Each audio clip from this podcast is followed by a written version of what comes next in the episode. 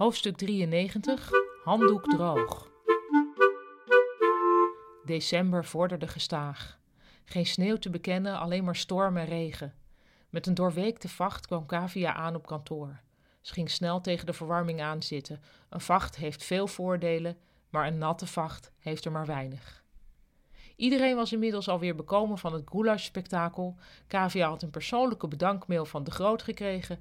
Daarna had ze een tweede mailing met een onlogische titel, Bonobo's, verstuurd. En toen was alles weer normaal.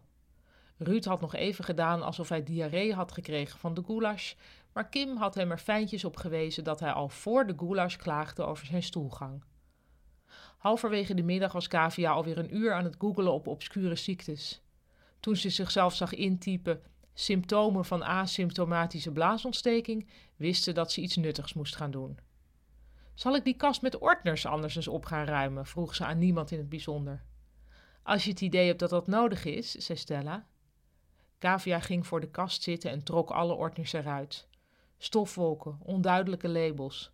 Al snel zat ze tussen stapels en stapels ordners. Sommige stonden er, gezien de stickers op de rug, al sinds 1995. Zouden die ongezien weg kunnen? Uiteindelijk visten ze alleen de lege ordners eruit en zetten de rest netjes terug. Over de inhoud zou ze zich op een later moment buigen, niet alles tegelijk willen. Toen ze klaar was, zag de kast er goed uit.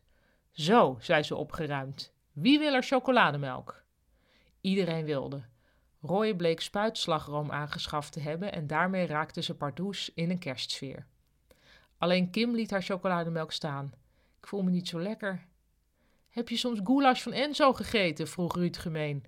Of ben je zwanger? riep Roy jolig. Kim werd rood.